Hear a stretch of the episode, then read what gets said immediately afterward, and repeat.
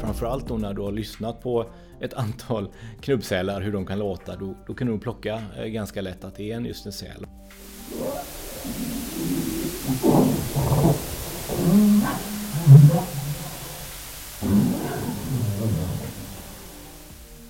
Och det har vi gjort ett par gånger här nu att vi har fått ljudklipp från Försvarsmakten som vi sedan har kunnat säga att nej, men det här är en gråsäl, knubbsäl, torsk eller vad det nu kan vara. Jag brukar ta exemplet just när man är i en bullrig miljö, vi människor, och pratar med varandra. Då, då hör vi inte varandra. Det vi kan göra då är antingen höja rösten eller gå närmare. Djuren får göra samma sak. Men här finns det vissa begränsningar. En torsk kan bara låta på ett sätt. Den kan nästan inte höja sin volym.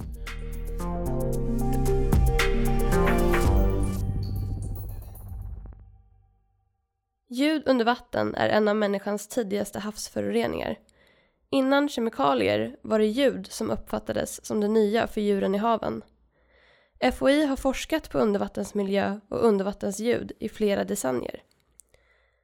En av Sveriges mest framstående forskare på området är Mattias Andersson, marinbiolog och försteforskare här på FOI. Välkommen till Rapporterat. Tack så mycket. Varför forskar FOI på undervattensbuller? Undervattensbuller brukar man säga är just buller som är oönskat. Det vill säga att det kan orsaka någon typ av påverkan. Ehm, detta kopplar vi ofta då till havsmiljön och de djuren som lever där. Och vi har forskat på undervattensbuller under ganska många år här på FOI. Men kanske då inte mot det civila och titta på effekterna på djurlivet. Så det är lite nytt.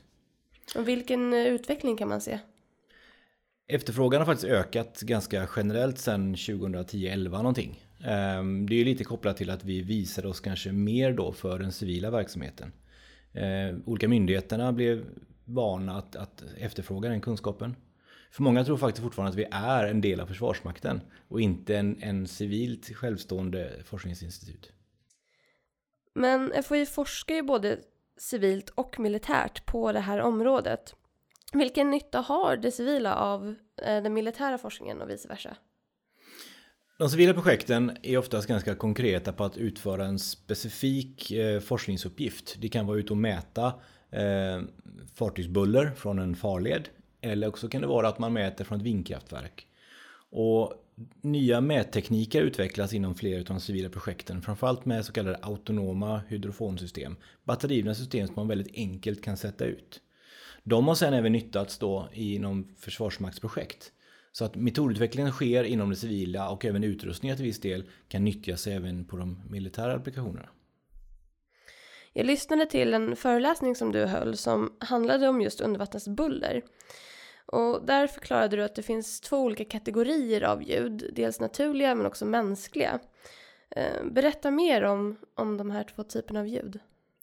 Precis som du nämnde inledningsvis så är ju havet idag kanske lite mer bullrigare än vad det var för hundra år sedan innan de kommersiella fartygen kom igång. Och djuren är ju då egentligen eh, evolutionerade i en mycket tystare miljö. Men den är inte tyst. Utan att det finns ju buller från vind, vågor, regn, åska, jordbävningar, allt möjligt. Och framförallt djuren själva alstrar ganska mycket ljud. Så det finns ju i ena vågskålen. Men sen har vi då människan tillfört en rad olika typer av ljud. Eh, man brukar kalla det för antropogent ljud. Det kan vara allt från buller från fritidsbåtar. Det kan vara buller från när man pålar eller spränger. Men vissa av de källorna som vi också gör sänder ut ljud med vilje för att göra ett specifikt syfte. Till exempel ett båtekolod. Det sänder ju ut då en, en ljudsignal för att då veta vilket djup eller vilken typ av botten det är. Medan de andra källorna som jag sa, först pålningar och fartyg, det är som en konsekvens av någonting vi gör. Så där brukar vi också dela upp det lite grann. Eh, men visst är det så att du har en del exempel på hur olika saker låter under vatten? Ja, vi spelar in otroligt mycket ljud under vattnet och eh, i de olika projekten så brukar vi sen spara ner ett par exempelfiler just för sådana tillfällen visa upp hur det låter. Det första fallet jag har här det är en eh, kustbevakningsbåt som passerar våra hydrofoner just i ett försök vi hade i Gullmarsfjorden.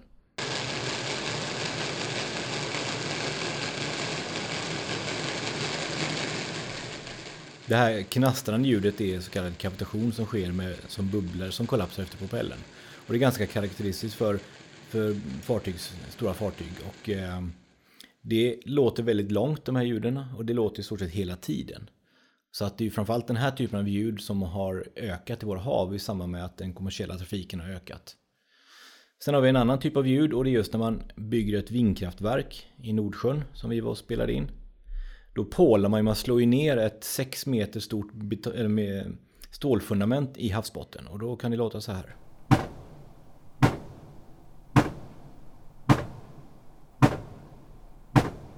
Och det tar mellan 6, 8, 10 timmar att slå ner ett sånt där fundament.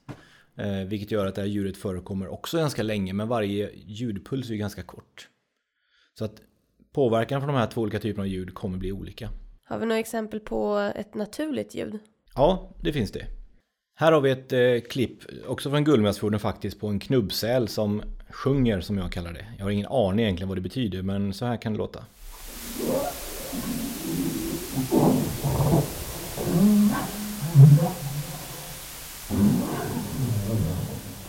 Och ett sista klipp är från en simpa, en fisk som lever på botten. Vi har olika arter här i Sverige. Nästan som en katt som spinner.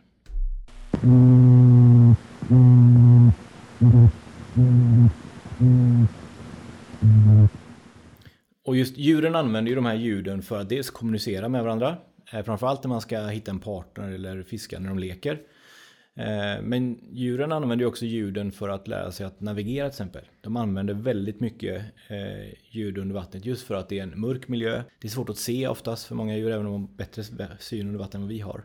Så för ljud är många djur helt avgörande för att de ska överleva egentligen. Och hur gör ni då för att särskilja de här olika ljuden? För det här är inga ljud som våra mänskliga öron är vana att höra till vardags så att säga. Nej, inte alla. Ehm, dels så gör man ju analyser och du kan ganska lätt se på frekvensinnehållet helt enkelt. Hur mycket energi finns det i olika frekvenser. Också på tidsupplösningen, hur ofta förekommer de här ljuden.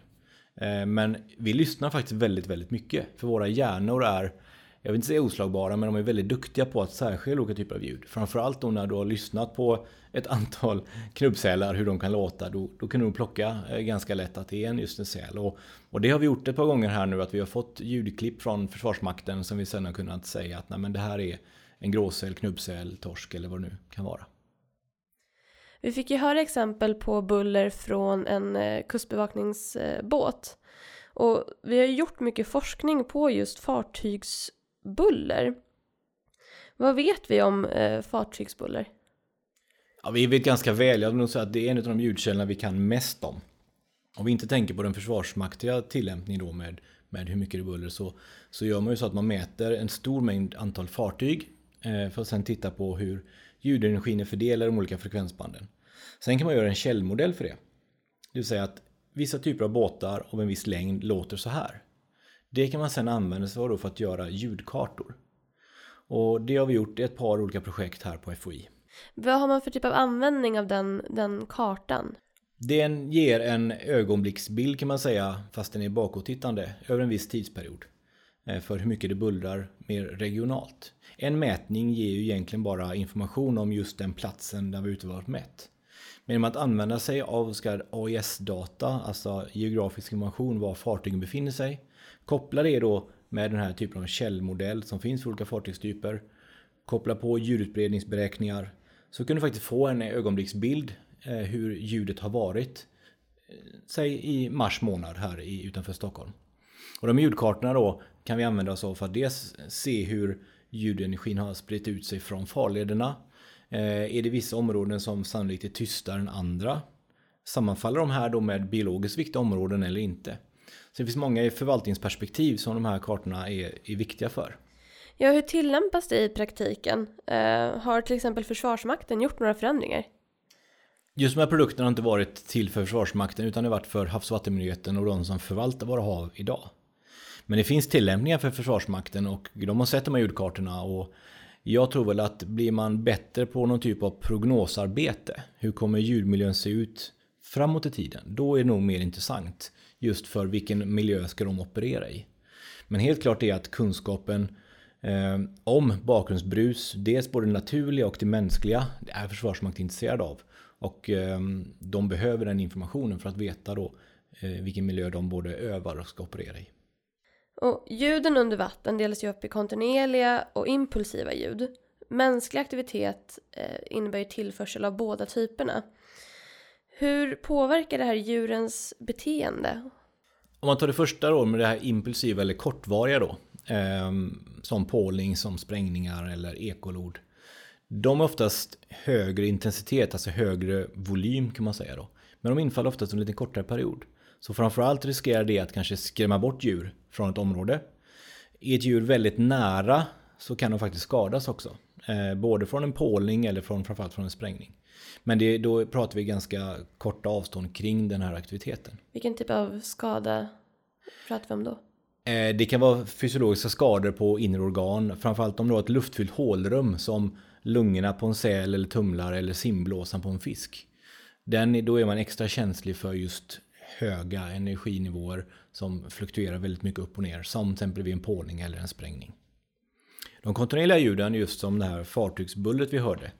De befinner sig, de befinner sig i vattnet under en mycket, mycket längre period och är ofta som en lägre nivå. Och det gör ju då att de, djuren skadas inte direkt. Men för djuren väldigt viktiga ljud kan då maskeras. Vi brukar ta exemplet just när man är i en bullrig miljö, vi människor, och pratar med varandra. Då, då hör vi inte varandra. Det vi kan göra då är antingen höja rösten eller gå närmare. Djuren får göra samma sak. Men här finns det vissa begränsningar. En torsk kan bara låta på ett sätt. Den kan nästan inte höja sin volym. Medan eh, sälar kan ändra. De är väldigt vokalära, så de kan prata massa olika sätt. Så de har lättare kanske anpassa sig till en bullrig miljö. Den sista saken jag kan komplettera med är just också att befinna sig i en bullrig miljö vet vi från både människan och många andra landlevande djur kan vara väldigt stressande. Och här är väl de stora forskningsfrågorna vi vet ganska lite av idag. Hur påverkar just stressnivån hos djuren? Eh, vi har sett att de kan bli stressade i laboratorieförsök men hur väl eh, eller hur mycket händer det här i det vilda? Det vet vi väldigt lite om. Är marina djur mer eller mindre ljud, ljudkänsliga? Skiljer det sig mycket mellan olika arter? Ja, det skiljer sig faktiskt jättemycket. För att även om jag sa att det är väldigt, ett ljud är en av de viktigaste sinnena, eller hörselsinnena för, för djuren, så alla använder kanske inte riktigt det och alla hör inte lika bra framförallt. Man brukar ändå koppla lite generellt, om vi nu inte pratar om direkta fysiologiska skadorna, så kopplar man oftast, hör djuren ljudet, då kan de ofta skada av det. Och våran bäst hörande djur i havet, det är faktiskt tumlaren. Den hör från ett par tusen hertz upp till 120 000 hertz. Den är enorm spännvidd på frekvens och de hör också ganska låga nivåer.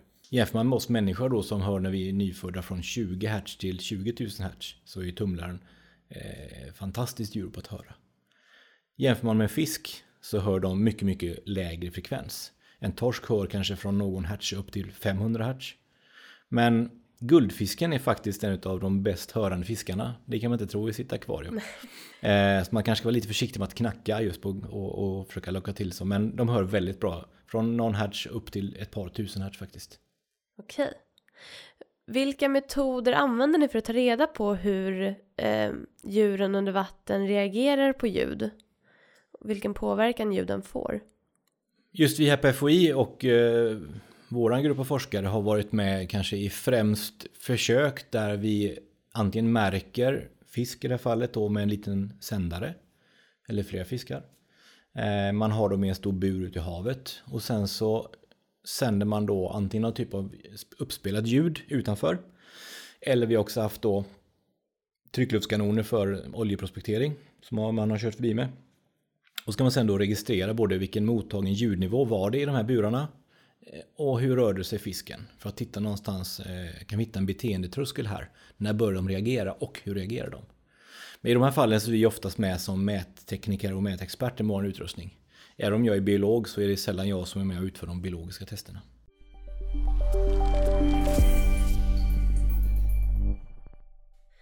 Med hänsyn till att ljud verkar ha en tämligen stor påverkan på det marina livet hur ser eh, regelverken ut kring undervattensbuller? Finns det direktiv på EU-nivå eller på nationell nivå?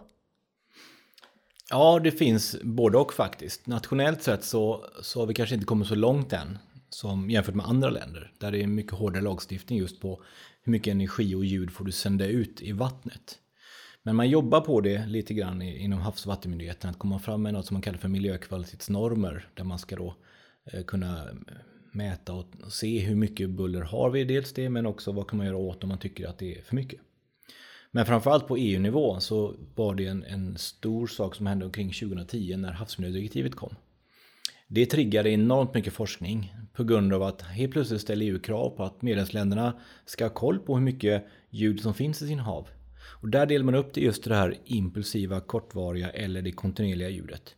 Så för det kontinuerliga ljudet så har vi då påbörjat vissa typer av mätprogram som man är ute och mäter i havet.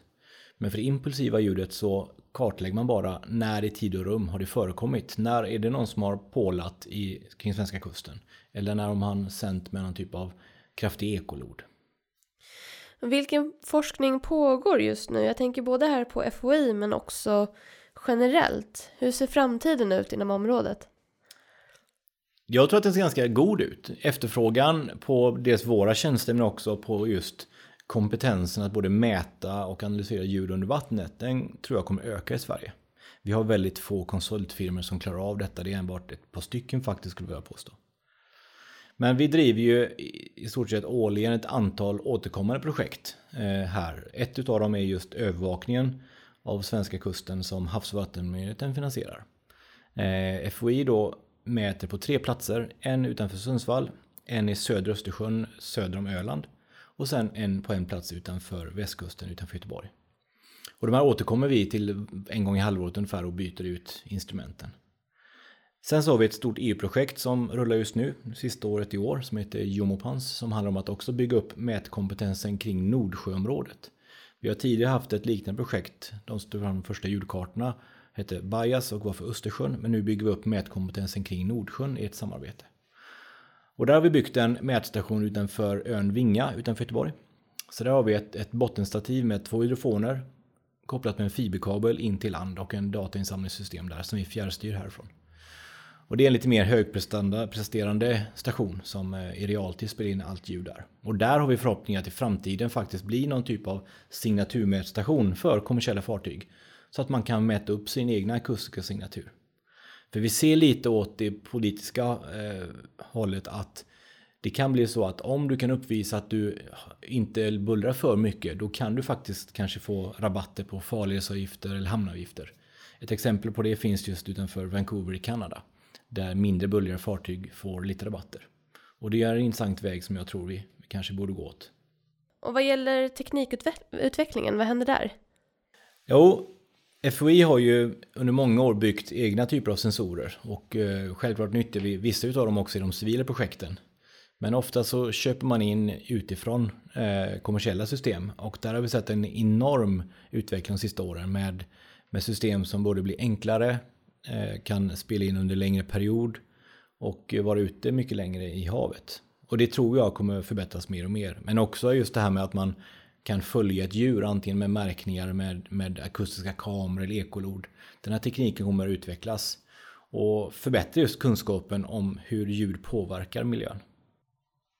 Just nu när vi släpper det här avsnittet så är det mitt i svensk högsommar. Och den här sommaren kanske ser annorlunda ut jämfört med andra somrar med tanke på coronaviruset eh, som har satt käppar i hjulen för många som egentligen tänkt resa utomlands. Och det innebär att vi är fler som kanske njuter av eh, skärgårdslivet och eh, spenderar tid på fritidsbåtar. Vad ska alla som äger en fritidsbåt tänka på? För att det här lär ju bli högljutt där nere så att säga. Ja, det stämmer. Och eh, vi var med, nyligen med i en rapport som tittar just på hur fritidsbåtarna påverkar miljön. Men generellt kan man säga då att det som djuren inte tycker om det är när man kanske kör oförutsägbart, man stoppar, bromsar, man svänger väldigt mycket. Så kan man undvika det så är det ju bra. Och ju lägre hastighet generellt, desto lägre buller blir det. Och kanske undvika då vissa områden som är av hög biologisk kvalitet, till exempel grunda sjögräsängar är jätteviktiga under sommaren för reproduktionen och, och uppväxten av många marina djur. Men generellt bara tänka på att inte köra onödan och stänga av motorn och ekoloden också framförallt för kanske tumlarens skull då att använd inte de orden heller, stäng av dem om inte ni behöver. För de, de kan faktiskt störa tumlare. Finns det någon poäng i att begränsa vart man får och inte får köra sina fritidsbåtar utifrån ett ljudperspektiv? Jo men det finns det och eh, de förslagen ligger uppe på bordet och det finns idag flera stycken så kallade hänsynsområden. Men det är för människan för att vi ska få lugn och ro. Men eh, vi har faktiskt skickat in förslag precis att titta på hur ser ljudmiljön ut i de här lugn och roområdena. Och är det någonting man ska utveckla just likt fågelskyddsområden att de här områdena där det förekommer fisklek eller att det är hög produktivitet, där kanske vi ska undvika dem. Och det tror jag faktiskt någonting eh, båtfolket skulle vara intresserade av att delta i. Jag tror inte det kommer bli allt för många områden och för svårt att följa, men att det skulle uppmärksamma problematiken och gör det att man är med i en lösning istället för att bara vara ett problem. En annan stor trend just nu är ju så kallade noise cancellation funktionen i våra egna hörlurar. Alltså att hörlurarna genererar någon form av motljud till bruset utifrån. Är det här en metod man skulle kunna använda under vatten? Det var faktiskt ingenting jag själv kunde svara på, men jag pratade med en kollega om det och hans spontana reaktion var bara nej.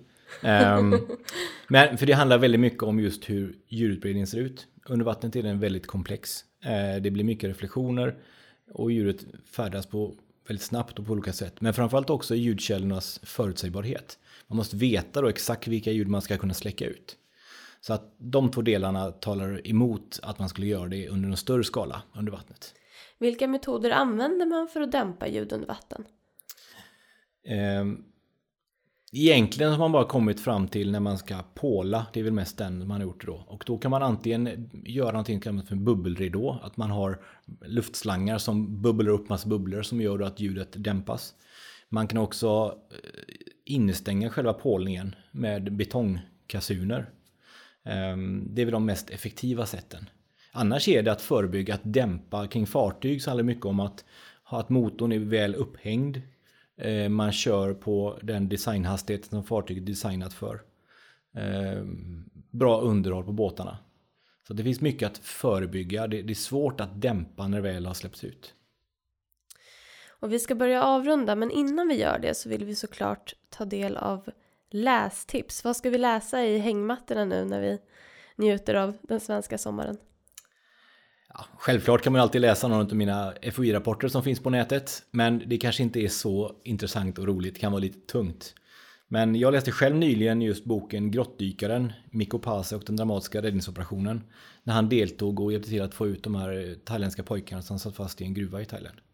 Så den var en mycket spännande och eh, bra bok. Det kan jag tipsa om. Och om det är regnigt och vi får förpassa oss till tvn, vad ska vi kolla på då? Finns det någon, någon serie eller någon naturdokumentär som du vill rekommendera? Då är det givna vanligt tycker jag, Blå planeten, både ettan och tvåan. Eh, som är klart sevärda. Och lyssna på eh, underbara valsång och annat som finns i dem. Härligt. Vi kommer såklart länka alla de här tipsen på www.foi.se rapporterat. Tack för att du kom hit. Tack så mycket.